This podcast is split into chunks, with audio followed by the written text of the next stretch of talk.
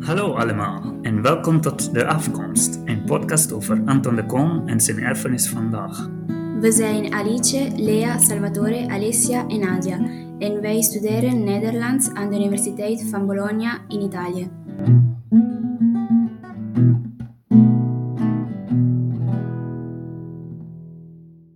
Aflevering 2 Het boek Wij Slaven van Suriname.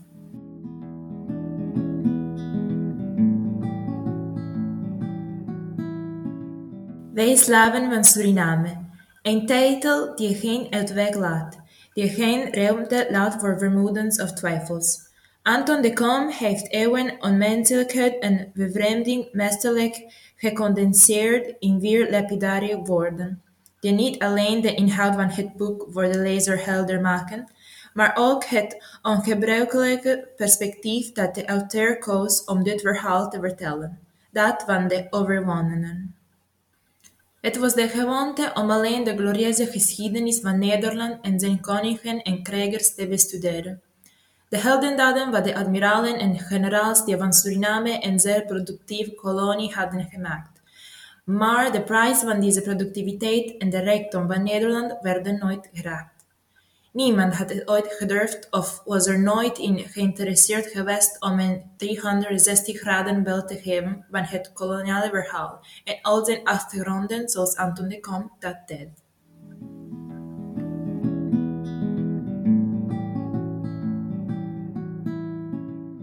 Anton de Kom spaart ons absoluut niet. Elke regel van zijn boek onthoudt op prettige wijze de bloedige geschiedenis van zijn geboorteland. Door een rigoureuze historische reconstructie wordt het verleden van Suriname in een hard en genadeloos licht belicht zoals nooit tevoren. Voordat de geschiedenisboeken die aan de scholen werden verstrekt slechts een zwaar gecensureerde en gezoete versie van het verleden van Suriname boden, vrucht van de eurocentrische en kolonialistische visie op de Surinaamse regering. Vanaf de eerste pagina's worden wij door suggestieve beschrijvingen direct naar een andere dimensie getransporteerd. De kom voert ons mee naar de oudheid, zelfs de oertijd. We zijn de eerste getuigen van een Suriname waarin de menselijke aanwezig afwezig is. En we worden gehypnotiseerd door de welderige en mysterieuze natuur van dit land. Dan gaan we geleidelijk naar de echte geschiedenis en laten we een fantastische sfeer achter ons die doordrongen is van tragedie.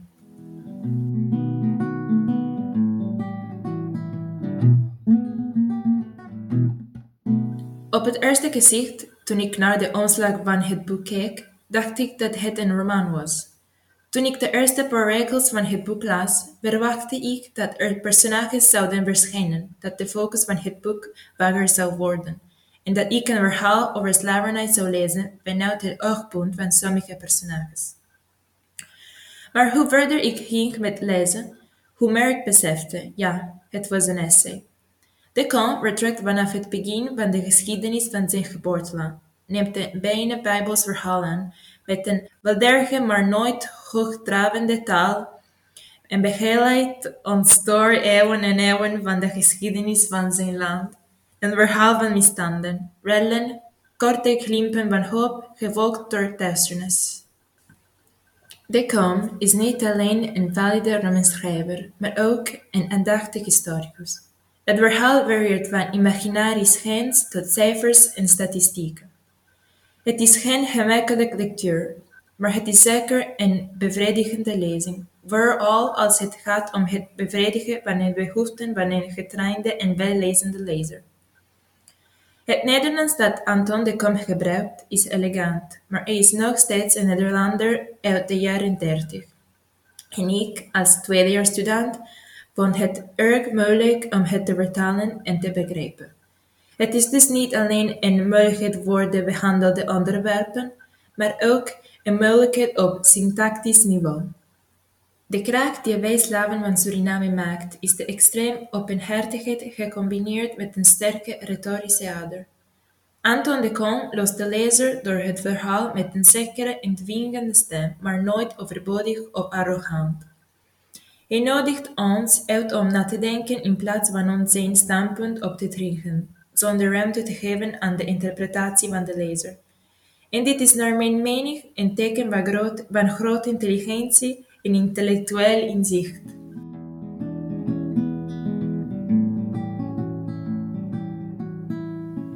Deze man is zijn hele leven een monument voor intellectuele en spirituele moed en doorzettingsvermogen.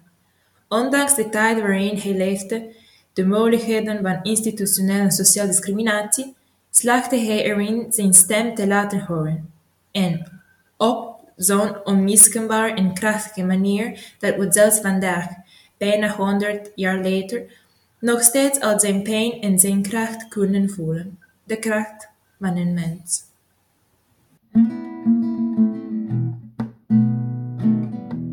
Dit was de afkomst.